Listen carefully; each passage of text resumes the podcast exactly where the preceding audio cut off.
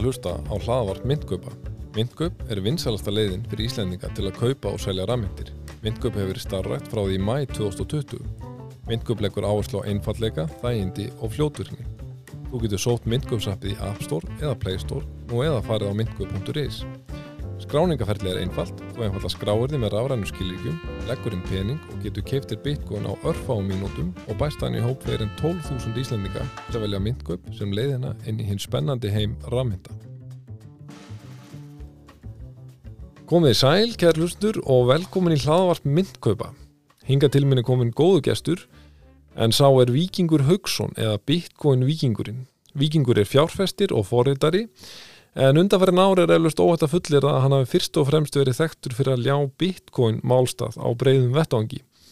En fyrir það hefur hann getið af sér gott orð og meðal annars komið fram í hlaðvörpum, útvarpi og haldið út í skrifum þar sem hann brítur hinn ímsu málinu til merkjar um bitcoin og peninga almennt. Nú á þessu ári hefur hann farið að stað með framtæki bitcoin vikingurinn þar sem hann býður upp á fræðslu og ráðgjöf tengdu bitcoin.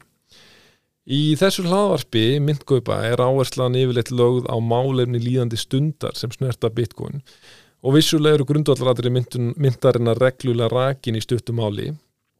Hugmyndin með þessum þætti er hins vegar svo að kafa dýbra og fá bitcoin vikingin til þess að fjalla eins og honum einum er lægið eins grúndikt um bitcoin og honum listir.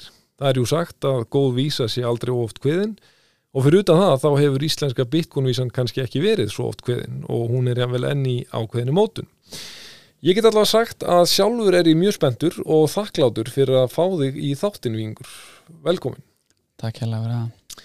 Ef við byrjum aðeins á að fá þig til að segja okkur uh, hvað færð þig til þess að leggja stund á bitcoin, hvernig byrjar þú í bitcoin og hvernig hefur þú vegferð þróast e, núni í þetta framtak sem bitcoin vikingurinn er? Já, það er góð spurning.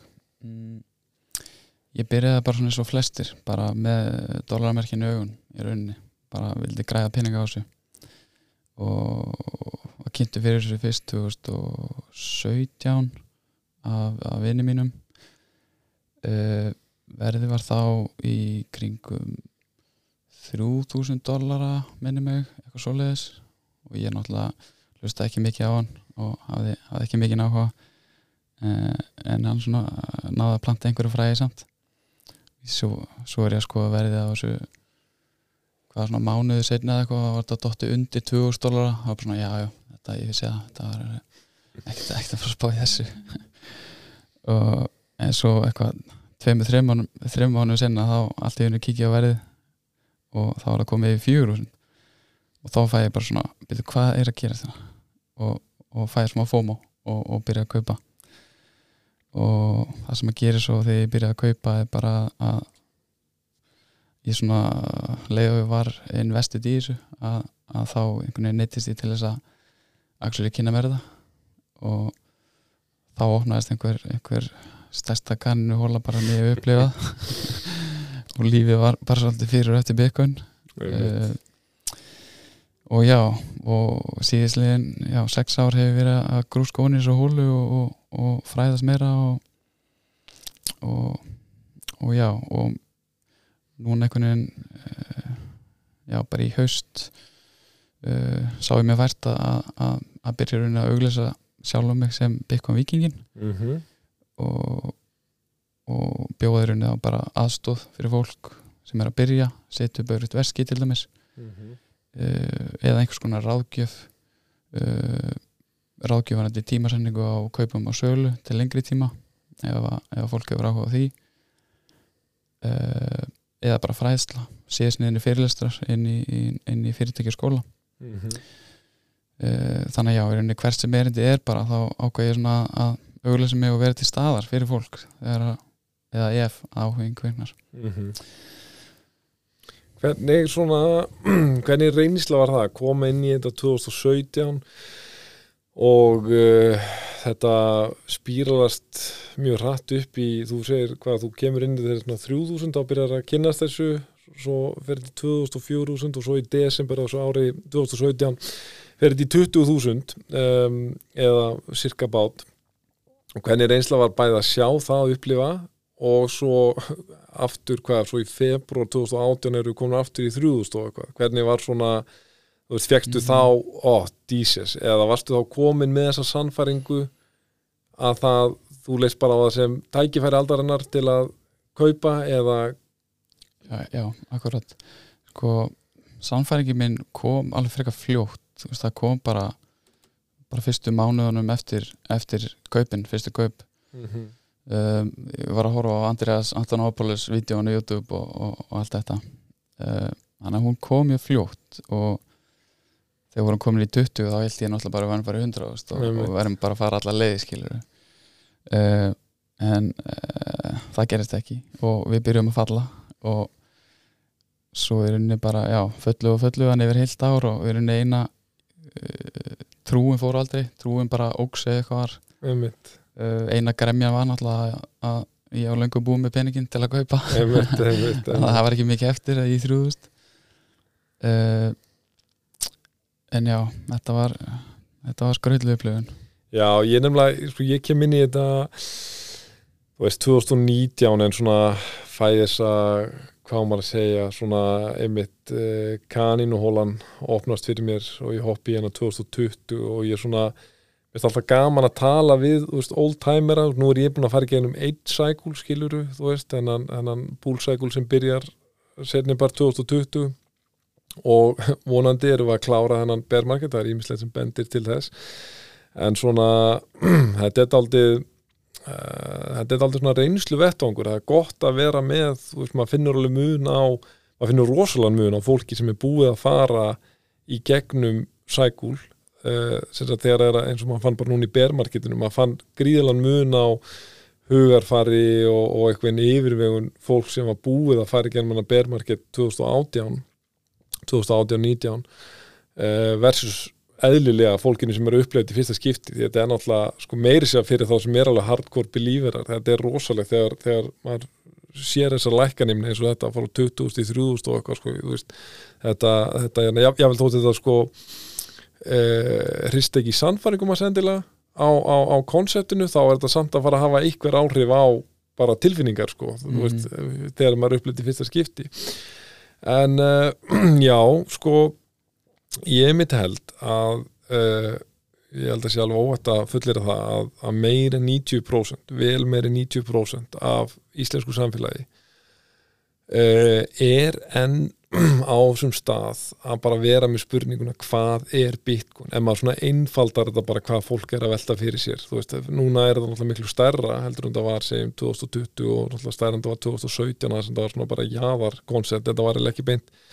Bitcoin var orðið það stórt í síðasta búlsækul, það var með engum út eftir að tala um það sem hvað jaðar konsept, en enga síður þá er maður allir í ákveðinni búblu þar sem allir er að lifa úr hærast í þessu. En þegar maður bara fer úr búblunni og, og bara talar við fólk á, á förnum vegi, þá er þú veist bara, ég held ég, ég, held ég geti fullir það að ég er hissa ef, ef eitthvað meira en segjum 10-15% kannski 20% af þjóðfélaginu vita sér bara 21 miljón bitcoin, bara sem dæmi sko. Eða ef þú nefnir eitthvað líkil hugtök í, í þessu space eins og Fiat kerfið eða eitthvað, þannig að hérna ég fæ bara svona að harpa mjög general spurningu til þín sem bara nú ertu hinga komin og uh, ef þú bara segir okkur hvað er Bitcoin, vikingur já. Sko, stuttasværi er bara nýr peningur. Bitcoin er bara nýr peningur sem að verist vera peningavæðast á heimsvísu.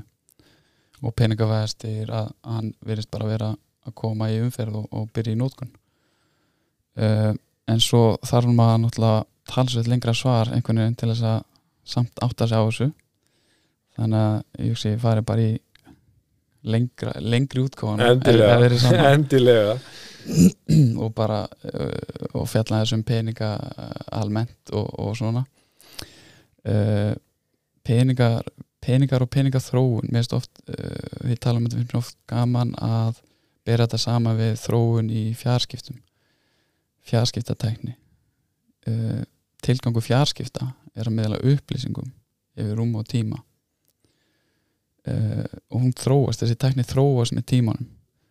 Við höfum farið frá hellismálverkum yfir í burðadúur dagblöð símskiti símar og, og núna uh, síðan stafræni fjölmiðlar. Og þegar ný tækni uh, riður sér til rúms sem veitir meiri hraða og áreðanleika uh, verður hún með tímanum ráðandi leið til að miðla upplýsingum yfir rúm og tíma og peningar er, er svolítið svipaðir en tilgangu þeirra er að miðla verðgildi yfir rúm og tíma, valjúi og þeir eins og fjarskiptin þróast einnig með tímanum. Við höfum farið frá skeljum yfir í salt nautgripi, steina verðmætta málma og, og núna uh, síðast ríkistunarpapira og nýr peningur sem að veiti meiri sjálfgefni færanleika deilanleika endingu og þekkjanleika verður með tímanum ráðandi leið til að miðla verðgildi yfir um á tíma. Og, og þessi flokkar sem ég nefndi sjálfgemni, færanleiki deilanleiki, ending og þekkjanleiki, þekkjanleiki þetta eru uh, svona ákveðnir eiginleikar sem sem að peningar eða, eða hlutir eða öðlundir þurfa að tikka í til að geta talið sem góð peningur. Og, og til þess að við eða samfélug viljum nota þenn ákvæmlega hlut sem pening. Sjálfgemni til dæmis er þið sandur og strönd ræðilegu peningur vegna þess að það er til endalast af hann er ekki sjálfgefur hann, hann feilar því verkefni penings að flytja skapaviriði úr nútíðina, nútíðinni inn í framtíðina.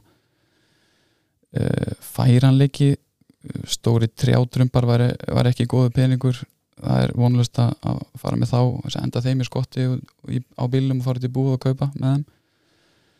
Uh, deilanleiki uh, ending til dæmis uh, ávegstur og gremmiti var ræðilegir peningar þannig að þeir endast ekki í, í genum tíma.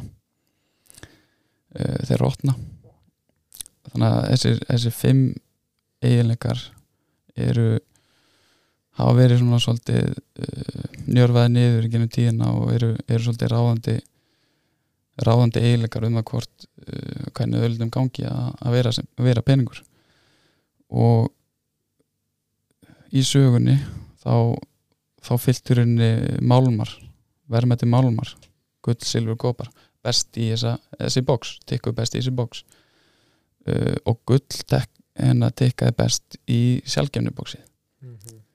Og sögum þess var það í rauninu ofan á af öllum málmánum vegna þess að það var harðasti peningurinn það var harðasta eign uh, það var flokkurinn sem var erfiðast að koma með nýtt magn inn í kerfið.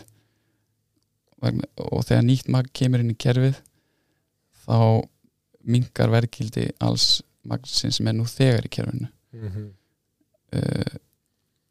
þannig að og til einfaldið ennþá betur bara veist, þá erum við með við erum með tíu sjálfgef körubálspil í heiminum og svo finnst eitt í viðbótengstaðar þá verður valjú á hverju einu aðeins minna mm -hmm.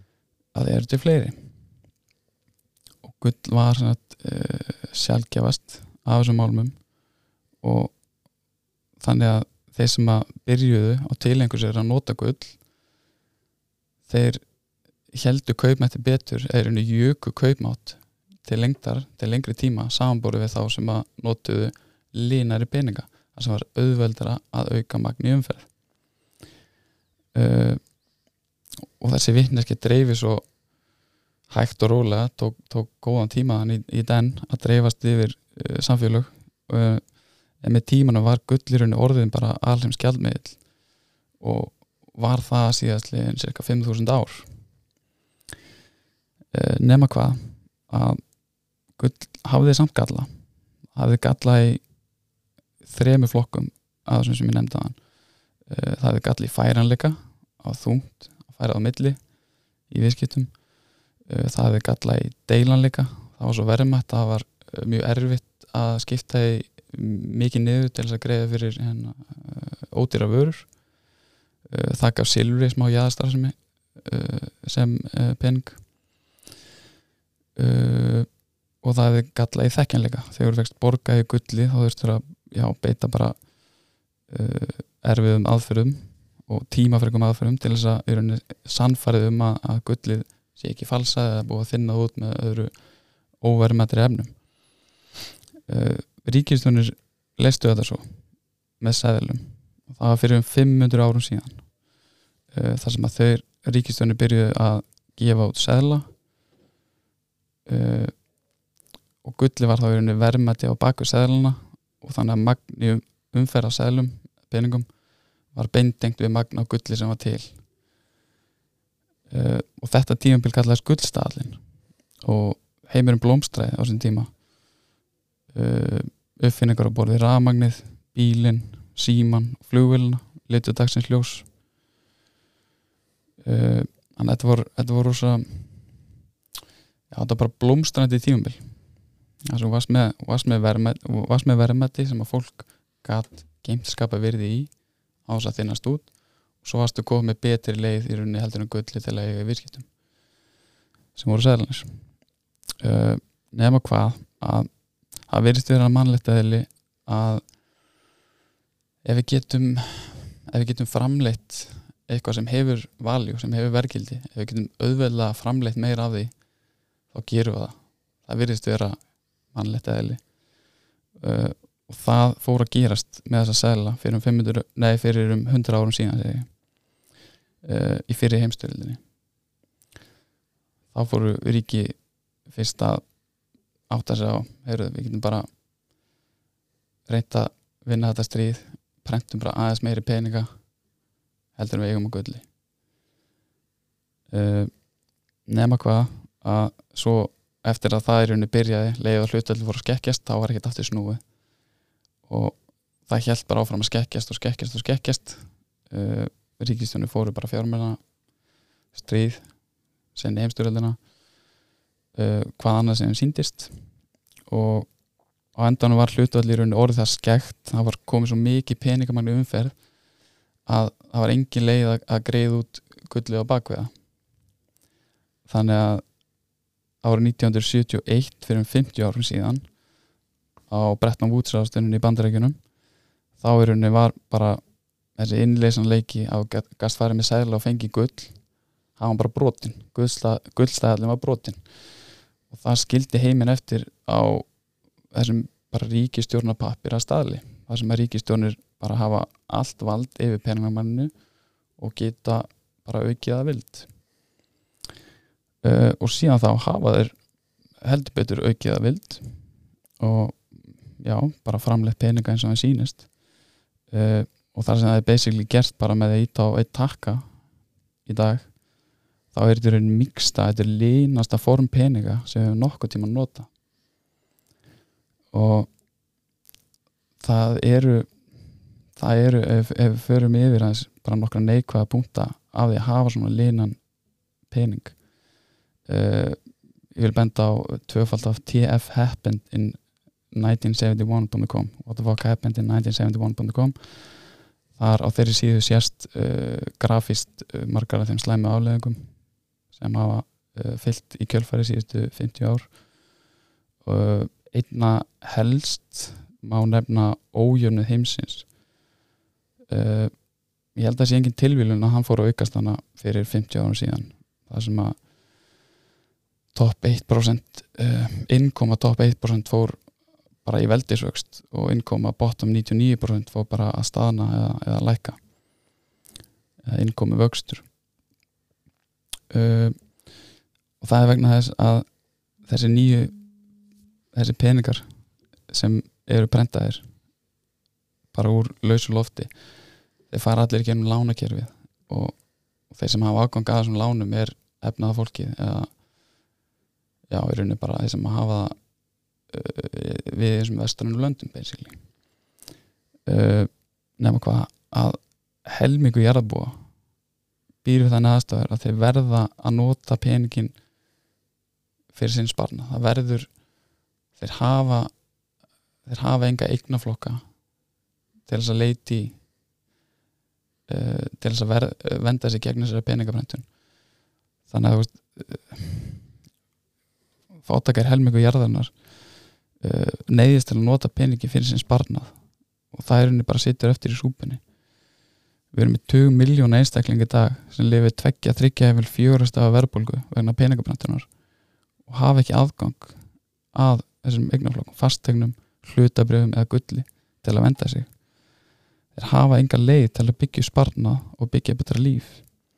Og meðan eru eignir ríka fólksins alltaf að hækki virði það er alltaf að hækki virði vegna þess að peningurinn sem eru mældar í er að lækki virði. Mm -hmm.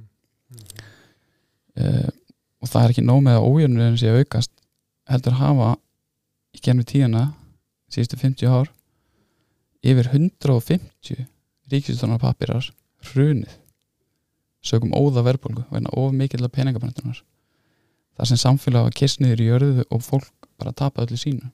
Mér finnst það nefnilega áhugaverð tala sko að, að ég held að flestir þekki hafi náttúrulega hýrt um Zimbabwe-dólarinn um, og þýska markið á millistýrsárunum hjá Weimar líðveldinu en uh, þannig að uh, sko fólki finnst oft svona eitthvað veginn ákveðin paranoia eða, eða eitthvað svona bíast þegar maður talar um þetta sko. En raunveruleikin er einmitt sá að þetta er eins og nefnir hann eitthvað 150 gjaldmiðlar og ef maður skoður til mér bara á Wikipedia Google eitthvað staðar þá sér maður að þetta er ekki bara eitthvað, eitthvað þriðeimsríki sem er að lendi í þessu. Þetta eru hérna uh, þetta er miklu áþreifanlegra vandamál og meiri sé að það sem mérst aðtilsvært er að þegar maður uh, skoðar sko uh, ríki og hérna gjaldmila sem hafa glýmti óðaverbulgu eða hyperinflation að þá telst íslenska krónan með, með, með þessi ekki sem slíkur gjaldmil þráttur að við hefum farið á 1983 í sko yfir, yfir hérna árið 83,3% og hæst var það mælt í ágústmána áskrundöldi 130% í ríkistjórn Gunnar Stórótsen og uh, sem svona sínum manni wow, þú veist þannig að þetta eru sko enn alvarlegri dæmi en það, því fyrirfram hefði maður haldið að sko það væri nóg til að fullnaða skilgreiningunum óðaverbulga að vera í cirka 100% verbulgu sko en þetta er miklu, þetta er umlega það, óðaverbulga er bara það mikil verbulga að peningur er reynilega bara kaupmaðurinn bara eiginlega grátt byður um að sko láta það fá eitthvað annað heldur en peningin þannig að mér finnst þetta mjög mikilvægur punktur að fólk sé með að döm þetta er ekki bara einhver örfá dæmi í sögunni Akkurat, þetta er bara risasvort vandamál. Og veist, ímyndaði bara að, að vera í einum svona löndum bara þú ert að vinna þínu vinnu og, og fær fyrir það pening. Hefur ekkert annað með peningin að leiti verður að geima að skapa virði í peningnum. Og svo er prentað það mikið að peningun bara verður gjössanlega verðlus mm -hmm. og veist, það eru dæmið fólk sem tapa aðlegunni bara oftar en einu sinni, oftar en tvísvar það er, það er mjög erfitt fyrir okkur að setja okkur í sér spór uh, svo erum við þróunaríkin það eru einstaklega þróunaríki sem hafa actually þróast síðastlegin 50 ár. Mm -hmm. að það, það er einhver undatekningar eins og Singapúr og Tævan til dæmis. En megnið af þróunaríkjunum síðastlegin 50 ár hafa ekkert þróast. Gæti það verið að spila eitthvað inn í að bara megin þorri landsins hefur ekki tól til að byggja sparna Einmitt, mér langar að koma með ein, eina spurningu hérna og ég er að sjá þetta þetta er náttúrulega sjálfur er ég ofur seldur uh, hvað að segja þessu argumenti sem þú ert að matræði en og þannig ástæðan fyrir að maður er svona hrifin af bitcoin. En, en nú setjum ég mér spór þess sem er að hlusta og er skeptískur eða maður á að vera skeptískur. Um, og hann hugsaður ok, ég er hann að benda á ímistæmi eins og síðan WTF happened in 1971 hvernig bara svona menningarlegar stóðir og samfélagslegar stóðir bara almennt virðast fara hnignandi. Og þú bendur á þetta dæmi um þróunaríkin en hann kynna að hugsa, herðu, hér er verið að gefa sér að um, breyta ný þessu orsökin uh, fyrir þessu sé peningurinn en hann kynna að hugsa nú til og með algjörn margir hugsa að þetta er, hérna, þetta er kapitalismin sem veldur það er kapitalismin sem veldur, veldur ójöfniðinum og, og, og það er umvel að segja, miklu, miklu um, ofta rópað skulum við segja að þegar að vera að tala um hennan ójöfnu sem þú nefnir að þá vera að tala um það er ekki veist, það, það, það, það er volað fáir sem tala um þetta fíatkerfi sem einhverja orsök þar heldur margir til og með spend á, á kafli, ég er ekki að beða um að fara í sko pólitíkina sko, en ég er bara að segja svona hvernig, hvernig myndur þú svara hugleðingum þessa manns að þetta sé breytan skilur og það sé fíat kerfið sem valdi þessu raunverulega? Ég myndi segja bara vegna þess að við höfum ekki kapitalismi í dag.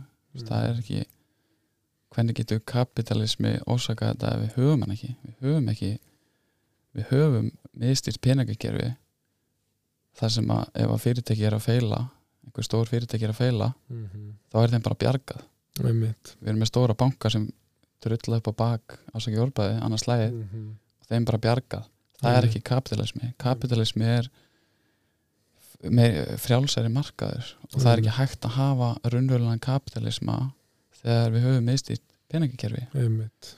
Það er rót vandans. Og, og, og einmitt þetta, ef við tökum okkur einmitt, þú nefnir sko hvernig um, eignir uh, hérna á staða þessa ríkasta 1% og ég hugsa að það er enn nýttar að þú tekur ríkasta sko 0,1% eða 0,01% að ég tek bara þenn dæmi að þú væri með tíu einstaklinga þar sem hérna uh, við erum nýju sem erum bara að vinna og erum ekki með sko kredit hjá bankanum og svo er eitt sem er með rosa mikið kredit. Að maður veit og segja kannski að munurinn á þessum tíamúndi sé ekkert svo mikill, við eigum allir svipað mikið pening. Og við erum jáfnvel gefum okkur bara það að við værum meira sem er svipaða tekjur. En á einhverjum ástæðum, fjölskyldutengslega whatever, þá fær þessi eini e, mjög drjúa lánalínu hjá bankan að hann náttúrulega ef hann er búin að fatta eh, sem sagt hvað Fiat kerfi býður upp á auðvitað tekur hann bara eins mikið lán og hann getur í einmitt línum pening og konvertar í yfir í harðaregnir svo líða árin og hann bara tökum dæmi, hann, hann fekk miljard lánað og segjum bara hann kipti fastegnir sem er miklu, miklu harðari heldur en hérna heldur en uh, peningurinn sem að fara lánað í. Hvað er að fara að gerast á sjö árum, á tíu árum? Líklega eru fastegnunar allavega eins og er að gerast núna í heiminu, kannski að fara að þrefaldast ef við tökum Ísland eða meira jáfnvel og jú, hann er með eitthvað vext á láninu sem kannski ákkurat núna í dag væri þetta ekki gott play í næstu hvað ég segja, 6-12 mánuð eða hvað það er. En uh, hérna hann svo bara getur það snefa vill greitt niður lánið eða ekki selt fastegnar og allt í ná hann markvælt meiri pening heldur en okkur okkar hinna af þessu dæmi sem teiknaði upp. Og, og þetta er ójöfnur að sko hérna þú ert með kerfi sem uh, fundamentally gerir það verkum að, að, að, að, sko við getum ekki keft við hann að mann. Þú veist ég hugsa nú að heimurinn sé þannig að sko það næst eh, held ég að minnst okkur stið aldrei algjör í öfnur. Það er bara sumir vilja vinna eins og skeppnur og, og aðrir eru með eitthvað talent sem, sem bara er eftirspurn eftir og fólk er til að láta pening af hendi skiluru það, það, en svona maður allavega ég held að svona síðferðisvitin mann segja réttlætiskend samþykir þannig fyrirkomulag betur bara ok, hann á meiri pening af því að hann vann gríðarlega mikið eða hann er besti söngvarinn hérna eða hvaða er skiluru en það er eitthvað sem ég held að allir eigi að geta verið sammálum að þetta, þetta getur ekki verið þetta getur ekki verið réttlætaleg ástæða fyrir ójöfniði og mér er alltaf magnað að fíatkerfið fái enga aðtikli hjá þeim sem eru mest uppteknir af ójöfnum, það er aldrei talað um þetta, kannski örlíti núna ég veit það ekki, eftir, eftir er alltaf búin að held ég að leiða til ákveðna vitnuvakningar um peningakerfi almennt, mér finnst ég heyra núna miklu oftar ég held að sé ekki bara búblan sem er ég, ég, ég held raunverulega að sé að gera þetta samfélag, ég held að fólk sé meira að tala um hugtök eins og peningabrendun verðbólgu, hugtök eins og fíatkerfið um, sem maður heyrði nánast aldrei talað um áður þannig að hérna þetta finnst mér aldrei svona sorglegt að sko fólkið, þú veist, bræðum að svo sístur sem við erum, skiluru allt, allt, allt mannkinni, að það er að einhver veginn í stöðum rifrildum um sko, þú veist, eh, sósialisma eða kapitalisma eða hvað það er, en á meðan finnst mér aldrei svona ég vil ekki fara að nota einhver ódramatísk orð eins og einhver evil masters eða eitthvað, en, en þú fattar hvað er að fara. Þeir eru bara, finnst það örgulega bara geggjað. Hér er hérna öll orkan sko og við bara erum alveg óreittir hérna liðið sem stjórnar peningamagnin í umferð, þetta er daldið magna en við ættum öll að saminast hér og af því því að þetta kerfi sko uh, að minnst að kosti trúum við byggt á okkar samfæringu að þetta vinnur gegn öllum nema sko sem einhverjum ríkustu hvaða er 1%, 0,1% hvaða er og, og það skiptist nokkuð jamt held ég á hvort þú ert endilega hægri sinnaður eða, vinstri sinnaður eða hvað er sko. Þannig að mér finnst þetta að vera ótrúlega áhugaverður punktur og uh, það er eitt sem ég finnst fallegt við Bitcoin er að uh, maður getur verið í Bitcoin á hvaða fórsendur sem er og það er allir velkomnir í Bitcoin. Þú getur farið bara einmitt segjum og viljið bara vera með dólarmerki augum og viljið ekkert hvað ég segja, þroskast í því viðhóri það er bara í góðu lægi, bara köftu bitcoin og grættu 30% ef það gengur upp á okkur tíma og seldu og bara bara flott sko. Líka ef þú vilt vera mjög ideolog, hérna, ideological að e, þú getur basically nota bitcoin sem verkværi til að mótmæla þessu kerfi sem við búum við. Bara með því að kaupa í bitcoin. Algjörlega friðsamleg mótmæli og, og þau eru svona skulum segja þannig laga nokkuð nafnlaus mótmælin, það minnstu hvort ekki að mæta á austuvöld sko og auglýsa þína personu sko. Þannig að það er svona, þetta er, þetta er, þetta er fjölbreytt use case skulum við segja. Mm -hmm. en já, þetta er, þetta er, þetta gríðilega eh, áhugaverð, mér langar að sko ekki núna, eh, þú búin að rekja með þessa svona peningasögu og, og farin á þetta fíat kerfi, hvernig og þú talar um þessa anmarka sem, sem gull hefur, en hvernig hvernig, hvernig kemur bitcoin inn í þetta? Hver, hver, hvaða sur hefur bitcoin við þessu? Akkurat. Uh, er, er leiðið takki aðeins fleiri galla að sjálfsög áður en færum að sjálfsög það er að nóg að taka. Já, já, en ég er, ég er mjög samanlega sem að segja og það ég veit ekki hvað þetta er. Þetta, bara, þetta virist bara þekking og, og tröst virist taka bara ansið langa tíma að dreifast. Og þeir sem einmitt eru, eru alveg í rifrildum í pólitíkinni og brjálæður en veit að fíatkerfun enga aðteglega bara þeir eru líka bara í sinni einn búblu. Þeir eru bara innan fíatbúblunar og sjá ekki út fyrir hana í rauninni.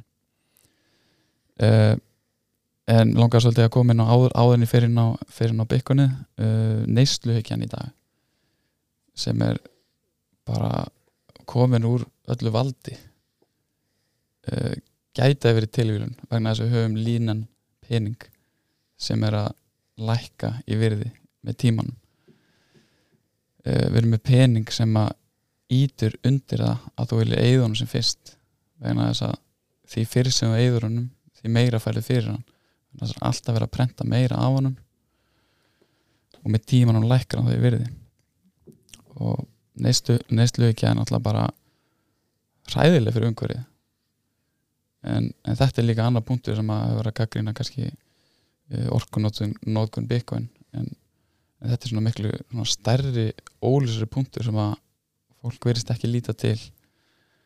Og hafa líka svona hafa pening sem er að missa virðið sér með tímanum. Er líka fólk hefur bara minni tíma meðan, það hefur minni tíma fyrir skipulagningu. Það, það er líklar að taka einhver áhættur sem að fjárfæstningar það, þetta eigur líkunar bara á ítal nýttum kapital sem er ekki gott fyrir umhverfið. Eh, og svo erum við náttúrulega með þessa, þessa endalsu verbulgu líka sem við erum búin að tala um hérna. Og það er í grunninn bara vegna þess að peningamagni í umferð er að aukast hraðar heldur en vörur eru framleitar það eru fleiri peningar á, á háalevili það eru fleiri peningar að keppast um uh, vörurólið og verðbólka er við lifum við lifum á, á tæknivætum tímum. Við lifum á tímum að sem þekking og tæknikunnuta uh, og bara mætti færa rauk fyrir að, að tækni framfæri sig í veldisvexti uh, sem þýðir að það er með tímanum að verða ódýra framlega vörur. Það er að vera auðveldara og skilverkara en samt halda þér áfram að hækki verði. Það finnst mér ekki vera eðlislegt. Maður er haldið að vera auðvut maður er haldið að erði einmitt eðlisleg verð hjöðnun fyrir ekkar það sem að vörur lækka í verði með tímanum þegar það er ódýrar að framlega þær. Uh, en verðbólguna það er já, hún er hún vinnur svo mikið á mót okkur. Við erum með 5% verðbólka sem dæmi 80% af peningmiðunum fyrir upp á 30 árum. Það er rauninu verið að taka af okkur tíma. Við erum að vinna okkar vinnu skiptum okkar finite tíma út fyrir pening sem er svo missa virðið sitt. Þannig að með tímanum verða tíma sem við höfum unnið í gennum tíð, tíðana uh, minna virði það er eins og við sé að styttast þannig að ég meina fólk á alltaf breyk lengur að setja í helgan stein Veist, þetta, Mm. þetta, þetta lengir það tímabil þetta lengir það tímabil að við þurfum að vera sívinnandi en við erum alltaf að keppast móti verbulgunni Einmitt. uh, já, svo erum við náttúrulega með stríðin og það mætti fara raukverið að linur peningur peningavæði svolítið stríð Mhm. uh, og hvað meinaði með því jú. Fyrir einhverjar ákveðna ríkistjónir geti verið bara efnaðislega hagkvæmt að prenta peninga frítt og nota þessa fríu peninga til að fjármagna inn á sér og söðla undir sér lönd og raunverulegar auðlindir. Mm. það getur verið efnaðislega hagkvæmt. Það getur verið það getur bara ítt einhver ríkjum út í stríð vegna þess að þau græða á því. Mhm. vegna það er svo auðvelt að prenta peninga til að fjármagna því og, og tala ekki um bara að, að, að geta haldið þeim gangandi nokkuð veginn eins lengi að vilja með peningabröndun og þess vegna held ég að hafi ekki verið tilviljun að, að gullfóturum var afnuminn 1971 í ríkistjónatíð að hérna fórseta til Richard Nixon þegar Vietnamstríðið er þannig að búa að ílengjast og ég hef heyrt það, ég hérna svona erfitt að fact-checka þessa luti en ég hef heyrt það allavega og lesið oft að magnaða dólar í umferð hafi verið orðið sexfalt þar sem gullfóturinn leiði þegar hann var afnuminn. Eh, og einmitt að hann er mér, mér góður frasi hérna eh, eitthvað þá leið sko hard money does not allow bad decisions. Og þá bæði við fyrir einstakling og samfélög og, og hérna ríki sko að, að ef þú ert einmitt bara með takmarkað auðlind sem peningur er að þá verður þú dálítið þá þvingað til að taka skinsamlegar ákvarðanir með hvernig þú rástafar þessum pening. Og þá hugsaður ok, við eigum bara svona mikið pening. Eigum að fara í þetta stríð og taka ákveðin hluta af þessu takmarkaða magni sem við eigum? Eh, eða eigum að vera að búa til einhverja stöður í einu ofnbera sem eh, hérna marga hverju þetta eru bara góðar sko, en, en, en, en sumar kannski ekki ásett að fara eitthvað út í það en hérna, þú, þú fattar hvað er að fara sko, að það hérna mér langar, mér langar að skjóta einu inn í með líka verbulguna að, og svona setja þetta aftur í samingi með já, svona hvaða er e, daldi verið að hafa okkur að fýblum í þessu fíatkerfi að þú nefnir hann að dæmi 5% verbulgu sem er ekkit óalgeng tala til dæmis bara á Íslandi, nú voru hann alltaf yfir en voru hann einhver ár í kringum þetta markmið Sælabankars 2,5% en þetta er einmitt sko eins og Michael Saylor talar mikið um e, þetta er þetta, þessi verðbólga eins og hún er mæld samkvæmt neysluvísutölu og e, maður hugsaði einmitt veist, þetta svona, þetta, þetta minnir mig pínu okkur svona dystopíska myndum ykkur samfélag sko eins og Hunger Games eða eitthvað álíka að hérna um, það er verið að selja okkur það ok, hann er innan gæslappa bara rýrna um, þú veist, 3, 4, 5% 2% hvað það er sko að því að þú getur áfram keift súkulæðstykkið þitt út í búð og verið með áskriftinu innan Netflix og þetta svona sem almúanum er selt sko, þú ert bara að vera sáttur við þetta. En, en myndum hugsaði mitt með eh, hvernig væri sko neyslu karfan eða, eða skulum bara segja karfan hjá ríka liðinu sko. það er líklega ekki þessi súkulegast ekki út í búð, það er meira þessir sjálfgjafu eignaflokkar, fastegnir, hlutabrif allt þetta. Og ef maður myndi mæla það eh, eh, sko verbulgun á því þá væri það náttúrulega langt um hærri tala. Og þess vegna heyrim var bara svona sögur til dæmis bara í íslensku samfélagi. Bara svona dæmikir saga finnst mér. Maður þekkir eitthvað par sem er ég veit ekki, segjum 55 ára eitthvað svoleiðis. Og það var bara svona dæmikert já, þú veist uh, hérna mögulega vel bara sagt, annar aðilinn vinnandi og, og hafa kannski tvö börn veist, um, um 22-30 ára aldur eitthvað svoleiðis. Og svo bara vera hérna stækka við sig skiluru fasteign uh, 35 ára eða eitthvað. Núni í dag. Ertu að sjá, ertu að þetta gerast mikið í dag? Maður sér einmitt bara þú er með eh, svona dæmingað finnst mér, þú er með hérna, háskólamenda par, 35 ára á ekki barn eh, bæði á vinnumarkað á fullu, á legumarkaðinum skiluru og hérna er það eitthvað að reyna að safna í fastegn og gengur ekki neitt sko. Akkurat.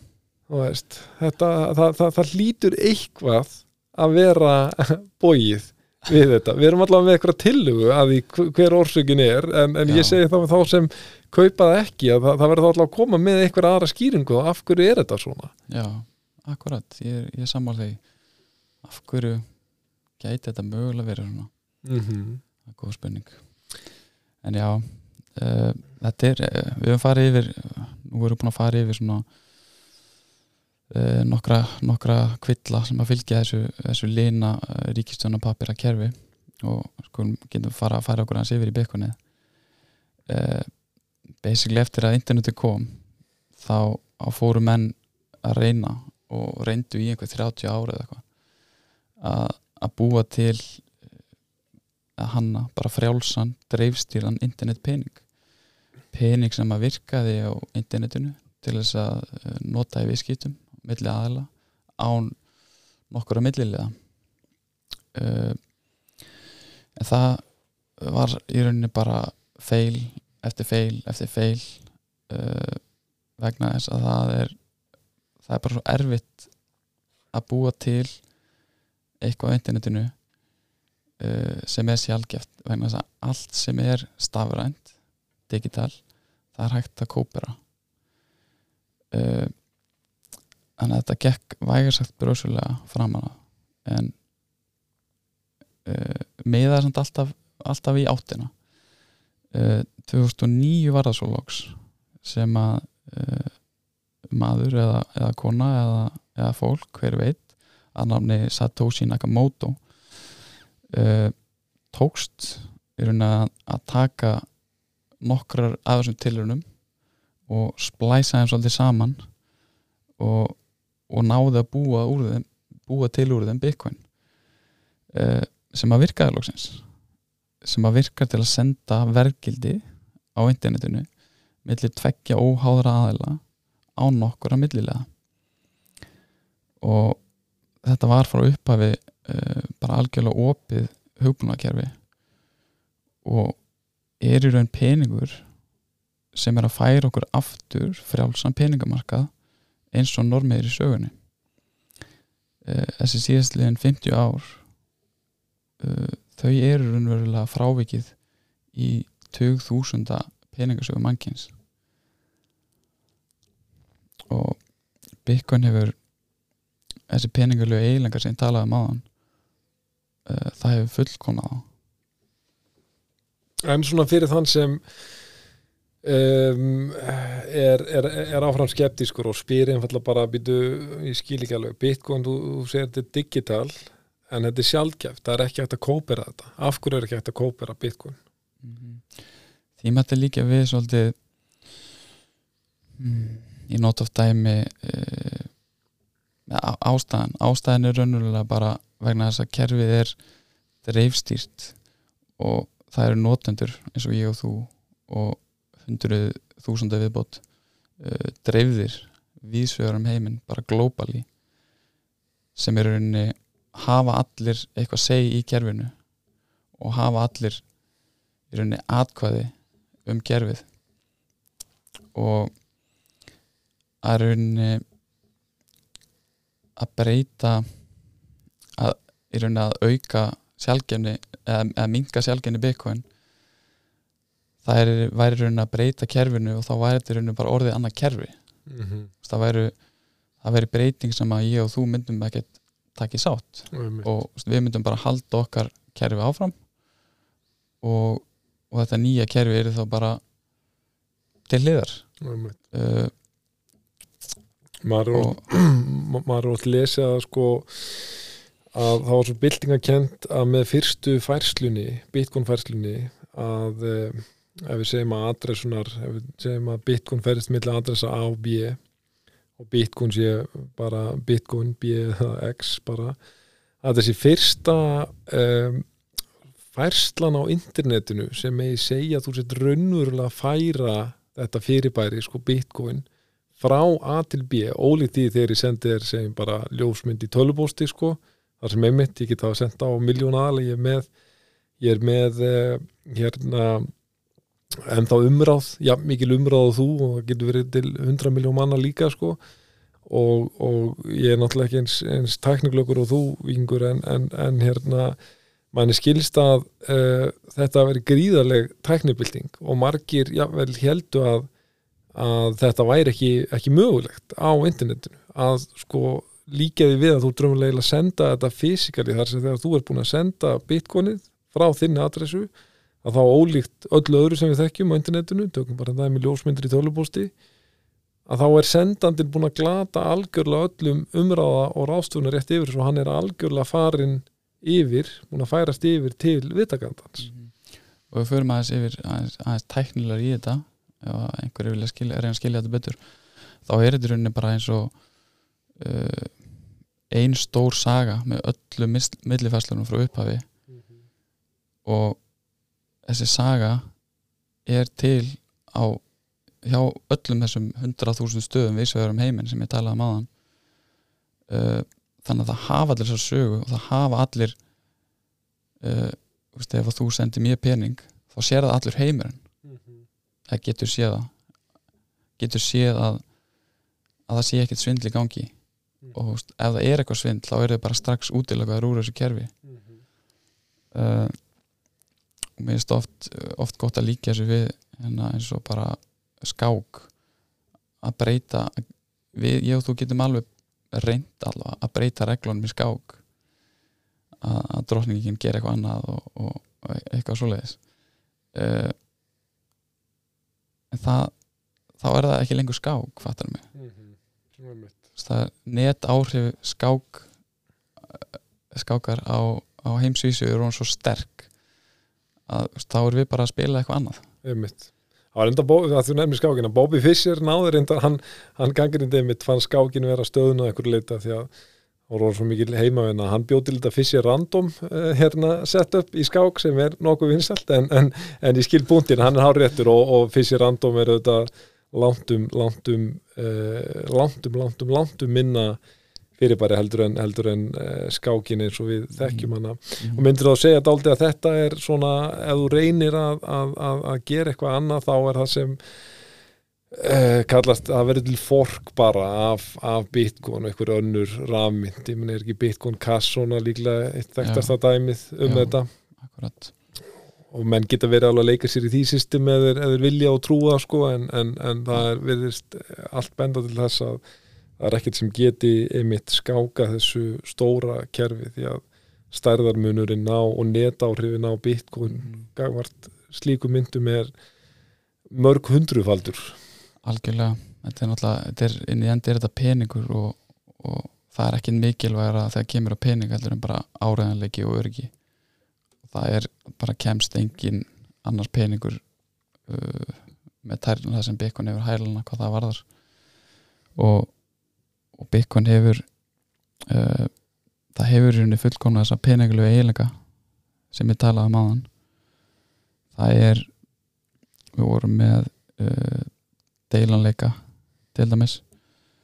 Það er uh, þetta deila í endalus niður. Þetta er það er þetta bæta við endalusum aukastöðum aftan við komuna skilur þetta er digital uh, sjálfgemnin uh, þetta er bara hægt og rólega að verða sjálfgefastu og harðasti eignaflokkur í heiminum. Fyrir aðeins úti, betur út í það eftir.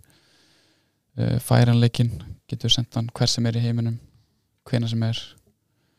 Ending, þetta er digital endist að eilifu uh, og þekkjanleikin og getur bara á, á venlulu tölvu eða ég vel síma uh, fullu um að, að þessi raunverulegt byggun sem ert að fá sendt uh, og það hefur sem sagt á fjögur ára fresti frá upphafi 2009 þá hefur það verið á fjögur ára fresti að tvöfaldast í sjálfgemni á fjögur ára fresti er verðbólgan að helmingast. Og svo einhvern sem er í kringu 2140 þá verður Bitcoin komið í algjörlega endalegt magn. Þetta hljómar og langur tími þá til en að þetta er að helmingast á ára fresti þá er þetta veldisfall það sem að megin þorinn gerist uh, mjög hratt. Og þessum tölu orðum eru 93% Bitcoina komin inn í kerfið búið að grafa þau upp sem er, er risa hlutvall og endalegt magn það er eitthvað sem að uh, við hefum aldrei þekkt áður í nokkur öðlind uh, þannig að Bitcoin er að mínum að því Bitcoin er bara vísandileg uppgötun á fullkominni sjálfgefni. Og það er að vera sjálfgefur en gull eftir sex mánuði. Eftir sex mánuði er að vera komin fjögur ára aftur og verður þessi næsta helmingun. Það sem helmingi færi Bitcoin uh, byrja mallin í kerfið. Og að vera sjálfgefur en gull eftir cirka sex mánuði er náttúrulega bara hjúts atbyrður í peningarsögu mannkins uh, hann að Bitcoin er Bitcoin er það eina í heiminum eins og þú hefur kannski talað um ég náður það er eini í heiminum það sem aukin eftirspurn getur ekki með nokkur móti haft áhrif á frambóðsflæðið sama hversu mikil mikið eftirspurnin eikst það er ekki að fara að koma meira inn í kerfið heldur en fyrirfram ákveðana rútínan segir til um. Og við tökum gull sem dæmi þá er ef eftirspurnin eikst eftir gulli þá hækka verðið harra verð gefur, gerir námagröft uh, arbærari fyrir einhverja einstaklinga þannig að fara fleira graftu gulli sem að eigur maggulls inn á markaðin sem að ítir aftur neikvæðum þrýstingi á verðið. Uh, þetta þessi neikvæði þrýstingu við höfum hann ekki í Bitcoin. Það er við erum með þessa peningastefnu áraðanlegu peningastefnu uh, sem, sem hefur ekki breyst frá upphafi. Og nefna þetta smá af hverju eða hvernig maður getur verið vissum á hún sé ekki fara að breytast. Uh, en það er unni peningastefnan er búin að vera eins frá upphæði og við vitum hana til endaloka, við vitum hana eilifu þannig að sama hvað eftirspunni eikst þó að fara fleiri að grafa upp í byggun þá getur ekki grafið upp meira byggun heldur en peningastefnan segir til um. Hins vegar ef fleiri fara að grafa þetta í Bitcoin þá væri kerfið örugara þess að námugröfturinn ramasnókunin það er það sem tryggir öryggi keðjunar, öryggi kerfisins. Þannig að við erum komið með ákveðna feedback lúpu þar sem að ef að eftirspunnin eikst vegna þess að af einhverju ástæðu þú vilt græða, þú vilt þú er búin að átta á þessum peningalögu eiginleikum og er búin að átta það á yfirbyrðum byggun fram meður aðra peninga ef eftirspunnin eikst og verðið hækkar fara fleira graf eftir því og það eigur öryggi kerfisins. Þegar kerfi eru öryggara þá eigur það tröstið þegar tröstið eru meira þá hefur það með sér í fyrir með sér aukna eftirspunn og hækkandi verð að gena en að gena en að gena uh, og hvað er það? Það eru hvað er það sem tryggir þessa peningastöfnu þessi peningastöfna hún er búin að vera eins frá upphæfi þegar kerfið var lítið fyrstu, ég veit ekki, kannski þrjú, fjögur árin þá var ekkert endilega ljóst að það væri að fara að haldast alltaf eins þessi peningastöfna og peningastöfn þá er ég að tala um bara uh, áallun áfram frambóðin verðbólgu áallununa fram í tíman hversu mikið er að koma inn í kerfið nýtt á hverjum tímapunkti. Uh, og það er einu dreifstýringin nótendunum um allan heim sem að hafa atkvæði í kerfinu uh, sem að tryggja þetta og ásamt örginu sem er námagröfturinn uh, og þessi peningastamna hefur ekki breystur uppæði og ég leiði mér að fullir að hún er orðin svo gegnsæðasta og áræðanlegasta í heiminum í dag. Þannig að basically síðast síðastliðin að verða hvað 15 ár frá 2009 uh, þá hefur þessi nýji peningur verið að peningavæðast á heimsvísu og verðist hægt og rólega verið að taka við kefli ríkstun á papirana uh, Nókar ég staldra aðeins við þennan búin og segir hann að verið hægt og rólega að vera að uh, taka yfir taka við keflinu af þessum uh, fíat peningum og uh, hér aftur setjum í spór þess sem er skeptískur. Þetta er náttúrulega þetta eru stór orð sem hún lætur falla hana. Og að við slagt að benda á að það eru nokkri staðar í heiminum meðal annars El Salvador líklega þekktast á dæmið þeir hafa tekið upp sem lögeri eða legal tender í landinu það er, það bara lögmætur gjaldmiðl í landinu.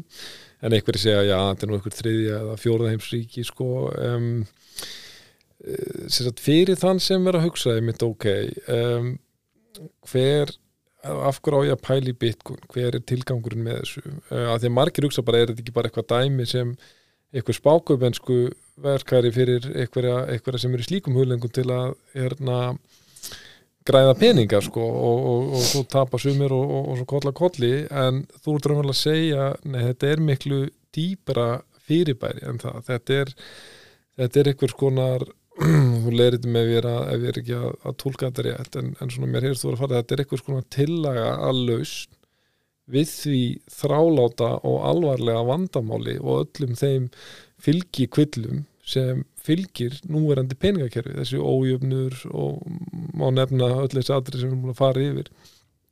Það er umverulega konseptið með þessu og, og það er volað ef þetta er rétt að þetta er hægt og rólega að fara að taka við sem nýr peningur að þá þarf maður að vera ansi einangrað, einangraður einstaklingur til að hugsa ég ætla ekki að láta með þetta varða og kannski svona gullrótin í þessu líka svo að þú ert náttúrulega snemma inn í, ef við höfum rétt fyrir okkur þetta er að fara að gerast það því að ég þykist vita að það er ekki að taka við af, ég skulle segja gjaldmeilins og dólar nema eða bara til 21 miljón bitcoin þá þarf eitt stykja bitcoin að vera ég get ekki nefnt ykkur að tölu en það er allavega markvalt, markvalt, markvalt, markvalt herra verð en, en 34 úr dólarar eða svo sem, sem gengi núna í sko þannig að það er kannski svona, hvað ég að segja svona individual gullrótin að uh, taka þátt í þessu snemma að þú vissulega tryggir hérna eða, eða, eða skulum segja styrkir þína fjárastöðu en, en fegurinn kannski í þessu er svo að þú ert á að taka þátt í að byggja upp kerfi, að því að ef enginn fælst á þetta argument, ef enginn í heiminum kaupir þetta argument, þá náttúrulega segir það sjálft að, að Bitcoin er engum, engum hérna árangri.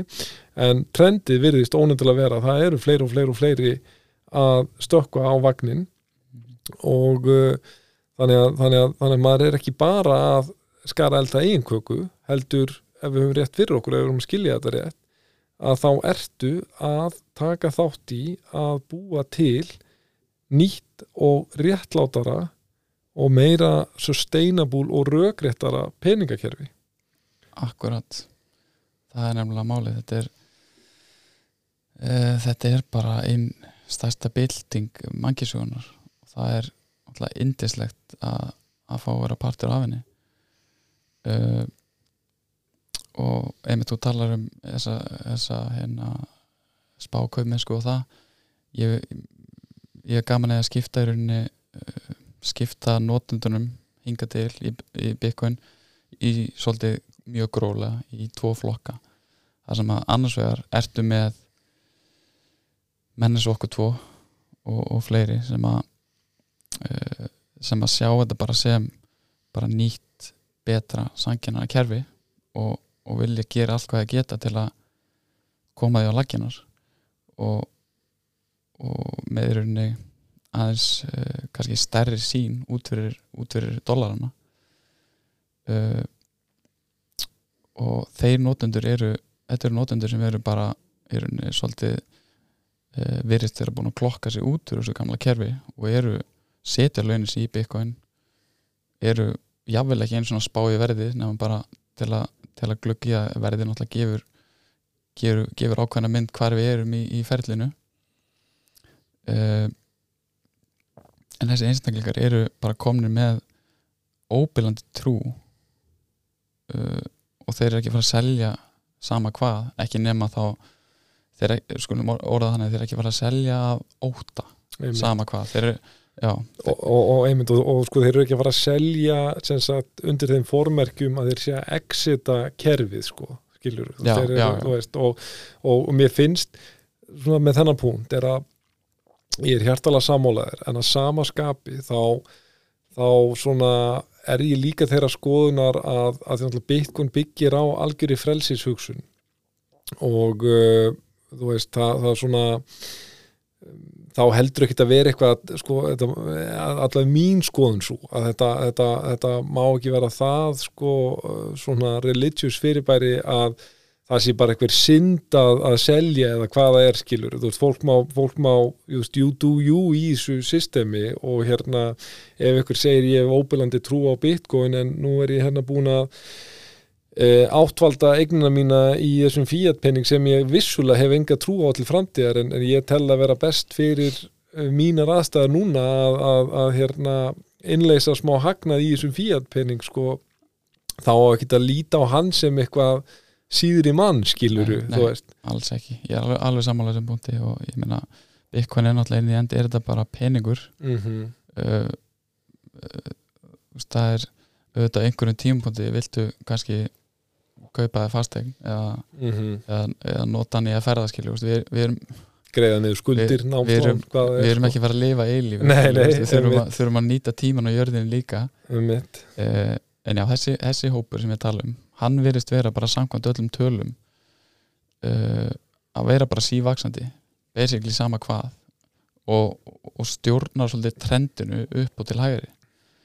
Uh, svo ertu með hinpólinn sem eru þeir sem eru bara með dólarmerkinu augunum og, og eru kannski ekki mikið að spá í hafa ekki beint áhuga á bitcoin eða, eða, eða visionin í kringum það heldur, heldur vilja bara græða peninga og, og þeir koma líka með svolítið svona sveiflur til stýttir tíma inn í þetta. Það, ég sé þá þann hóp svolítið svona sem fróðun á yfirborðinu sem er svolítið að já, auka auka sveiflunar og eru svona sísla en, en undir undir aldan er þessi sívaksandi hópur sem talaði um áðan sem að hann er unni hann er unni dominerar einhvern veginn alltaf á löngum tímarama mm -hmm. og, og það eru já, eins og ég segi, tölunar uh, tala sínu máli síðastlega 15 ár uh, hvað sem við horfir á þú veist fjölda mænira sem er að tryggja öryggið fjölda notenda sem er að nota fjöldi verskja þetta er allt upplýsingar sem þú sérð þannig að þetta er ekki, við erum ekki að draga þetta úr, úr rassinum á okkur aðsækjur með Já.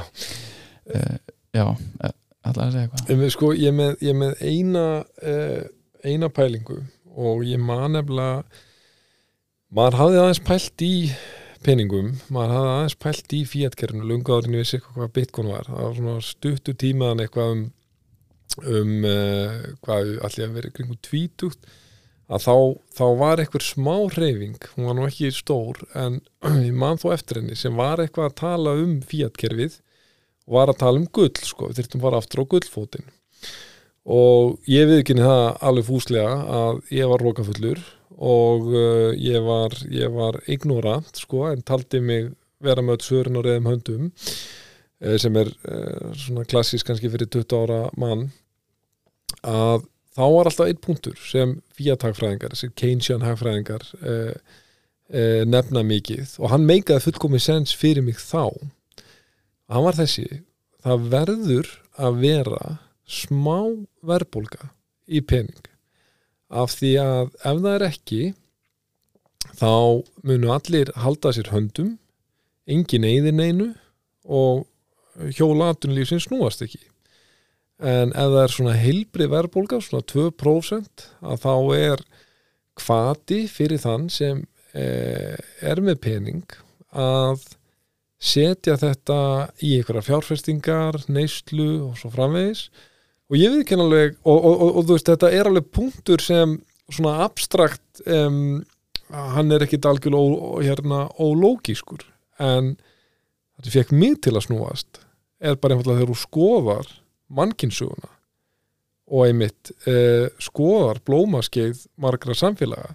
Og þá náttúrulega fattar maður heyrðu, hvað ruggli er þetta, auðvitað þótt peningur sé glerharður þú veist, hann er, er sjálfgefur og það er ekki einhver verðbólga að þá er ekki hann með sagt að maður eigði aldrei pening, en eins og segir, inn í end bitcoin er peningur, þannig að gefum okkur að árið er orðið 2200 við erum komin 60 ára eftir að búið mæna þetta allt og þetta er bara orðin peningurinn.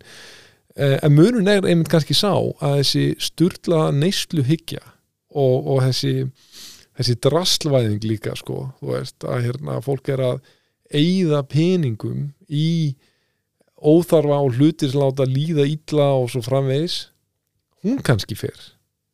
Og maður fer að frekar en að sko, um þetta leðilt orð, eigða pening. Maður fer að verja pening í skinsamlegar og heilbriðar ástæðan því maður eitthvað er árið innrætt í mann að maður spyr sig spurningar en að ok, nú er ég að skipta ykkur sem er hart, sem er sjálfgæft, sem ég þurfti virkilega að leggja vinnu og ég veit mér að þetta mun vera vermaður eftir þessum tíminn líður þannig að það er eins gott að ég ætla að verja þessum pening í eitthvað sem virkilega gefur lífi mínu gildi eða lífi ykkur annars gildi.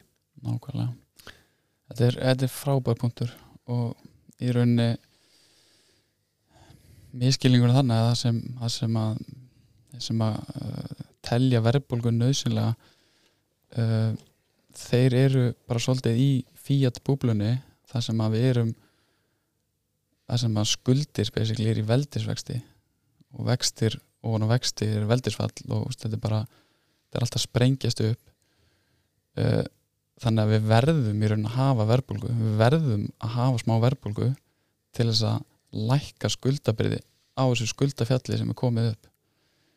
Ef að verðhjóðunum eðlisilega verðhjóðunum á sér stað þá þá ræður ekki við þessar skuldir sem eru búin að sapnast upp sem að kerfið er búið að incentivæsa fólki, böngum, ríkjum til að sapna upp uh, og uh, einmitt, þú veist, hven, ég meina hvenær kiptið þú sjónvarp síðast?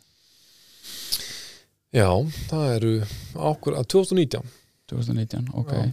af hverju keftur þið sjónvarp þú hefði getað beðið núna Heimitt. til ásins í dag og keftir margfalt betra sjónvarp af því að tækni framferðir í til dæmis sjónvarsframleiðslu mm -hmm. uh, þær eru það hraðar að þær átperforma verðbólguna. Mm -hmm. þannig að með tímanum getur við keftir betra og betra sjónvarp.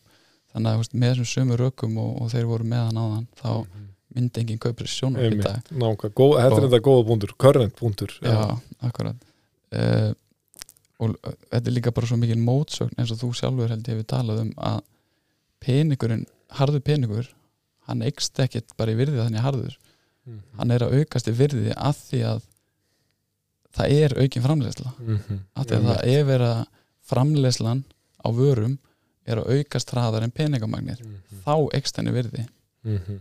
Einmitt. þannig að er, þetta er mjög góð punktur í þær og mjög miskilið og, og mér langar líka því þú talar aðeins um uh, námugröftin og uh, því, það, það hlutverk sem hann gegnir um að vernda kerfið mér langar að því veit að þetta er svo þrálátur og, og svona ónefndilega bara þreytandi punktur ef maður svona talar umbúða laust en uh, engar síður nöðsynlegt að adressa því að þetta er og ég skil alveg mjög vel að, að hérna, ég væri örgulega sjálfur líklegur til að vera upptekinn af þessu atriði ef ég væri ekki búin að að setja þessar klukkustundir í að pæla í þessu. En uh, það er svo sem erfitt kannski að fakt checka nákvæmt hlutvall en, en hlutvall sem maður heyri mjög oft ég veit að Michael Saylor tala mjög oft um er að heilda raforkan sem fer að því að oft er verið að taka ykkur dæmi Bitcoin er jafn miklu rafmagn og svo eru nefndi ykkur ríki eða eitthvað svoleiðis dæmi sko. En uh, það getur bara verið svo öðvöld að villa fyrir manni síni með eitthvað svona dæmum því að þau eru ekki endilega sangjörn en, en Sailor nefnir á hlutvallið að þessi cirka 0,1% af allri ramasnótkun heimsins. Þessi 10 basis punktar. Og það er strax svona tala sem ég held að myndi ekki valda þessari sko þessum svakalega titringi eh, frekar en það miklu, miklu dramatískar að segja að þetta er að nota ja, mikið ramagn og ég veit ekki, Austuríki eða eitthvað svoleiðis eh, sem ég svo sem veit ekkert hvort sé rétt eða ekki en, en, en hérna, mér finnst ólíklegt að þeir noti bara 0,1% raman heimsins en ja, hvað veit ég. Eh, en sem sagt og, og fólk tala um orku sóun og sóun alltaf því það að það sé eitthvað sem út að eyða og fær ekkert í staðin en nú ertu að segja það að uh, tilgangurinn með þessar raforku er sá að tryggja það að þessi peningur sé áræðanlegur, örugur hann, hann er unni fel í sér uh, sannleika. Að sé ekki vera að hleypa ykkur lígi inn í þetta kerfi. Og ef þessi uh, framtíða sín rætist að Bitcoin taki við keflinu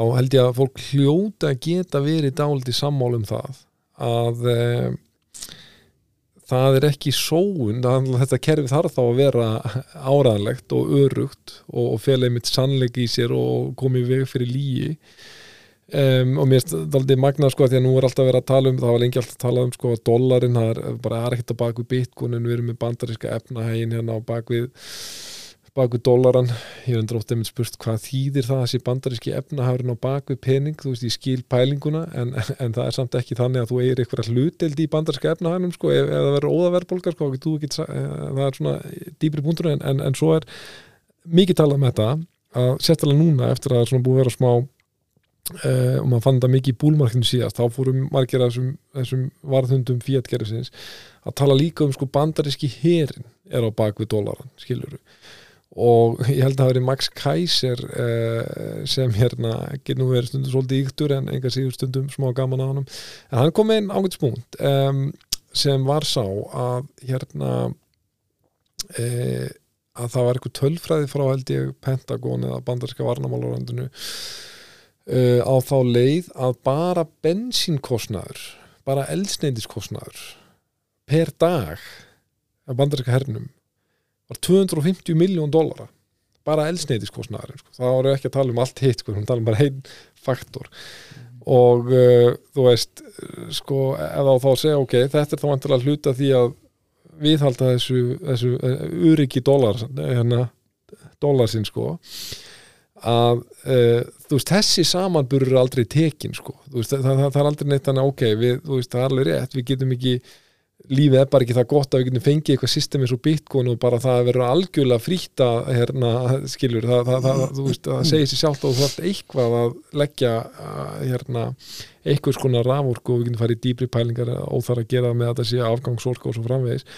En, en, en bara þegar þess, mér finnst það mikilvægt bara að það komi fram þetta samhengi að þetta er 0,1% ef, ef það er rétt tala en, en, en hún er allavega svo tala sem maður fær oftast upp þegar maður er að fletta þessu upp og ef það er það sem við erum að fara að nota til þess að búa til nýtt sangjarnara kerfi sem er að fara að leggja sitt að mörgum að, draga úr ójöfnuði og öllum þessum kvillum þá hljótu að geta samalst um að minnstakosti hægt að nota þetta leðilega orð orku sóun. Mm algjörlega sammála.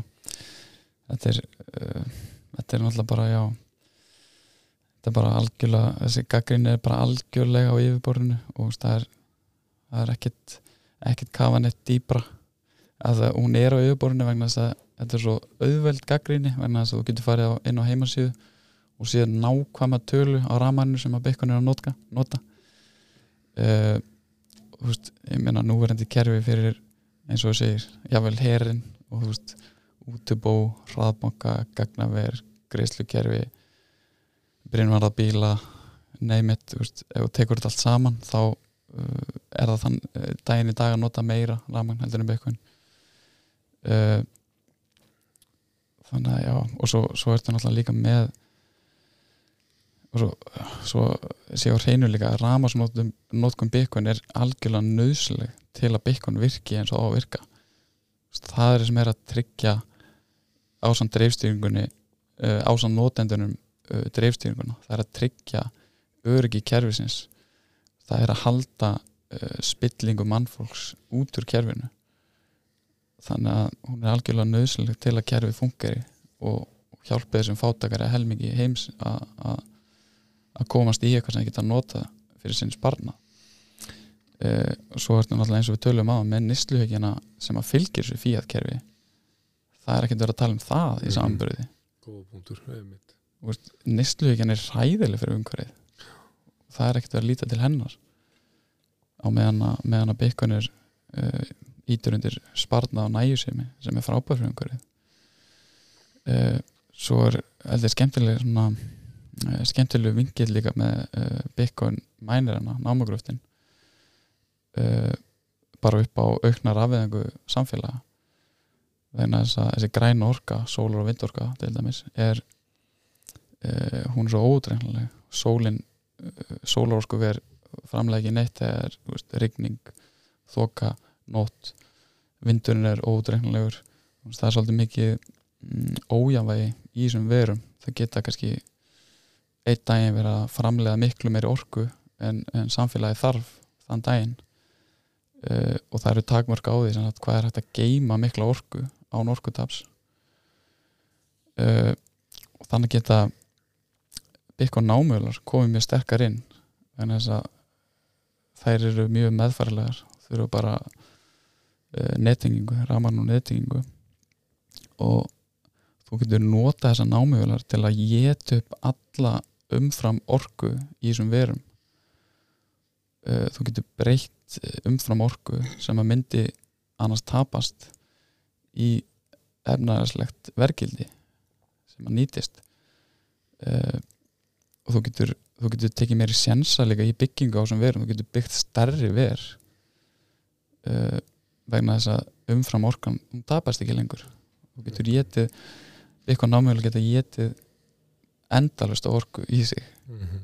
uh, og eins og til dæmis bara hérna heima uh, blönduvirkjun uh, ég vonið sér ekki að fara með randmál en, en síðast ég vissi allavega er hún bara kerið á 50% afli hún er bara kerið á 50% afli vegna þess að grittið vegna þess að ramaslínunar er ekki nógu góðar til að flytja alla orkuna sem að myndi fást á 100% afli þangað sem hún er það sem er þörf á henni.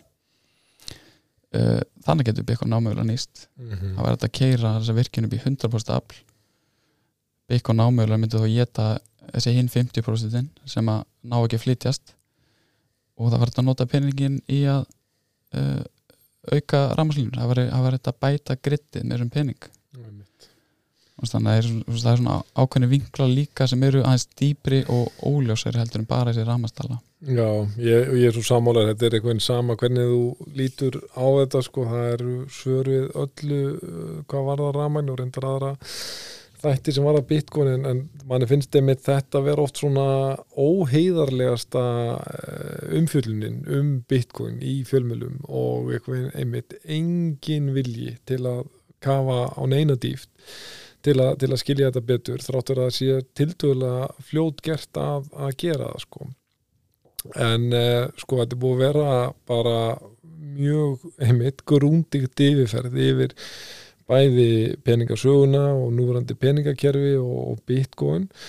Mér langar aðeins að Uh, og þetta er svona uh, það sem, það sem uh, hinga hérna, hér hefur komið fram er svona klassíst valjú að þetta hlusta á þetta hefur verið að hlusta á þetta fyrir tíu árum og hefur verið að hlusta á þetta eftir tíu ár og svo framvegis. Um, og mér langar kannski aðeins núna að við færum okkur á það sem er á málefni líðandi stundar.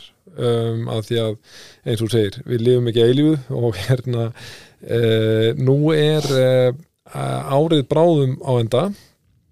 Næst síðasti mánuður ásins er í gangi núna uh, 3. november og Bitcoin er í um 34 stólarum það er umlega 100% upp frá ársbyrjun. uh, og það er svona já, það held ég að með segja. Það er svona, við erum kannski ekki komnir í búlmarkert en það er svona, ímis teknolóftir sem bendur til þess að mögulega er þessi bjarnamarkaður senn á enda sem hefur engjant hérna síðasta, hvað ég var að segja átjá mánuð eða hvað er.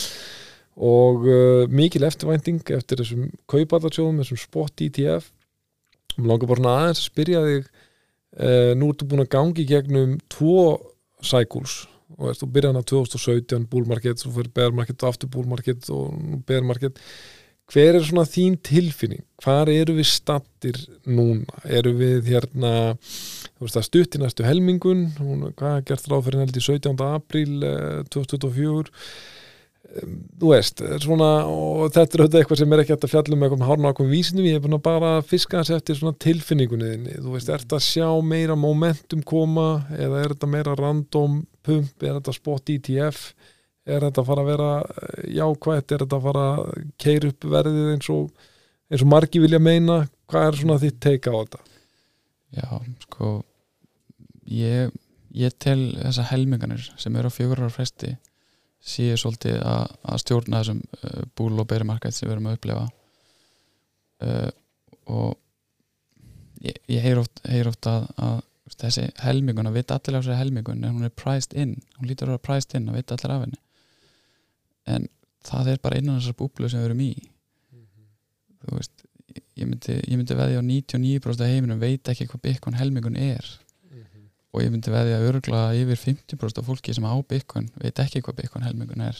Veistu, hvern- hvernig getur hún verið præst inn uh, en já, Bitcoin helmingun hún sagði að hún bara helmingar nýtt magn Bitcoin sem er komin í gerfið þannig að ef að eftirspunni er konstant ef hún er ekki einu svona aukast, ef hún er bara konstant og að helmingast magni sem er að koma nýtt inn í kerfið þá neyðist verðið til að þrýstast upp. Og, og það er að mínum mati það sem er að, það sem er að tryggara þessi, þessi, þessi búl og berun og, og við erum nú, akkurat núna með því með líðun sem við séum bara í bara mjög örli búl að við Mhm. séum svona við erum svona að, að hrista af okkur slinni eftir veturinn og, og það sé svona aðeins að, að aðeins að hitnandi kólunum einmitt. með dítalja en ég held að sé alveg ennþá al, alveg langt í landi í, í, í næsta topp ef, ef við tölum um það til dæmis. Já, og ég, ég, ég myndi halda hann að koma einhvern eftir næstu helmingun. Einmitt. Og jável ef, ef svona sagan heldur áfram að endur taka sig og hún hefur verið furðu nákvæm, ég hef alltaf verið svona uh, skeptískur eða svona gert ákveðna fyrirvar á að lesa svo mikið úr þessum trendum en það verður bara að segja þess að er að, að þessi svona long term trend í Bitcoin, þau, þau verða að spilast út aftur og aftur. Reynda náttúrulega eitt punktur sem er uh, oft nefndur sem ég held að með ekkit hunsa um, en maður veit bara ekkit hvernig Bitcoin bregst við hins vegar er að Bitcoin hefur svo til bara upplifað meir og minna samfelt hagsaldarskeið það hefur verið það, það, það, frá árinu 2009 og þá eru að jafna okkur eftir hrunið en svona cirka bát 2011 eitthvað svo leist, þá er búið að vera skulum segja svona 2011-2021 með einhverjum minni áttar frávikum þá hefur bara verið e, mikil góðsinn tíð á hvers konar eignamörkuðum og e, þannig að margir benda á það það verður alltaf fórhald að sjá hvernig Bitcoin mun performa um, ef það verður sem maður veit náttúrulega ekki en, en, en, en, það myndi ekkert koma mann á óvart eða er þið bara eitthvað trun hérna í þessu kerfið, ég meina skuldir ríkja og stýrivextir og allt þetta ruglir og peningabrendum, þetta er allt komið svo langt fram úr hófi, það maður haldið að það væri búið að gerast.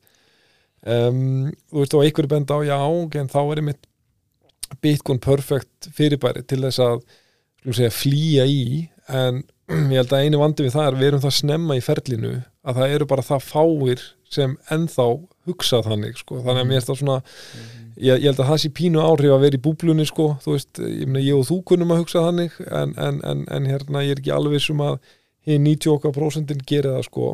Uh, en ef hún endur tekur sig þá ætti næsti toppur að vera árið 2025 já, 20, já, Já, 25 svona- eitthvað leis einmitt. Þú talar um einmitt stórt hrun. þú veist, uh, við erum með þetta miðstýra kerfi og ég held að leið og að fara einhverjum viðvörun bjöllur á stað stóri bankar byrja að feila og, og, og eitthvað hrun er að fara á stað mm -hmm. þá held ég bara að peningabrentinu fari í fullfoss enn enn að ferðina ég held að miðstýra kerfið komi í veg fyrir þetta skulda leðréttingar hrun sem að þú mm Mhm. verið tala um Einmitt. og það verði í hinóttina gjaldmeila hrun út af peningabrentinu Einmitt. Þannig ég og allar harðar eignir meir og minna myndu Já. kerast upp já, og en einmitt, þetta er og, Og og, sko sko- ójöfnurinn myndi þá náttúrulega aukast enn meira sko, í, í, já, í, þetta, er, þetta, er, þetta er bara í systemi veldisvexti sko. og, og líka er þetta en- einmitt Bitcoin kerfið er líka það eru þessi undir alda af notendum sem eru að byrja að nota þetta sem nýtt kerfi og nýjan pening algjörlega óháð einhverjum stýrivöxtum jari jari í núverandi kerfi mm Mhm. Þannig að ég held einhvern veginn að já, langtíma trendið haldi, haldi nokkuð en óreitt áfram. Mhm.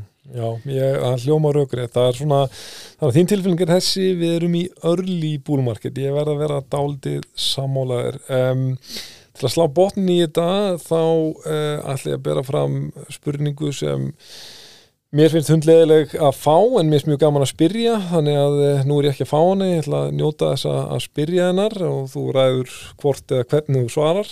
Um, síðasti toppur var 69.000 dólarar í november 2021 69.400 um, Ertu treystur þér til að uh, með öllum þeim fyrirvörum sem, sem um slíkar spár gilda ertu með einhvers konar hugmyndir um hvaða dollara tala geti verið á næsta topp?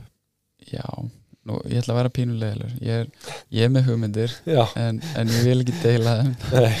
Vegna þess að, vegna þess að nú sem Bitcoin vikingurinn er, er ég að reyna að skafa með lifibröð uh, með þessu. Þannig að bara ef þið hafi áhuga til að panti já, tíma. Já, já, en ég hef ákveðnar hugmyndir ok, það er, ég skilði mjög vel, ég svaraði þessu eins, Já. uh, það mátti reyna. er, er, í lagi, enda og ég sá hérna í gerkvöldi ég rakst á gamla Reddit post Já, sem ég fannst lýsa Bitcoin svolítið vel. Uh, og ég leiði mér að þýði yfir íslensku. Og ég lesa hann í lókinu að sjálfsögðu. ok. Það er svona uh, þessi áskamalt póstur eða meira það sem einhver var að, að átta sig á Bitcoin. Og post, pósturinn heitir ég held ég skilji loksins Bitcoin og hann hljóða svona. Það er hljóðlátt kerfi sem keirir í bakgrunninum það hefur engan front. Stopnendinu bygguða til og gengur svo í burtu. Það er eins og tignæli klukka sem var sett á stað og heldur svo áfram að tikka. Það er ekkert lofórð um einhvern flókin prótokól sem koma skal eftir þrjú, fimm eða tíu ár.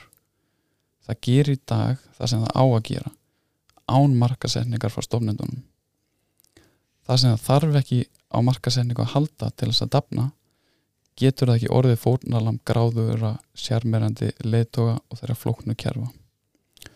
Auðvitað eru það Sailor og Novograds sem detta stundum í það hlutverk en Bitcoin þarf þá ekki til þess að lifa og mun ekki þurfa þá eftir að þið deyja.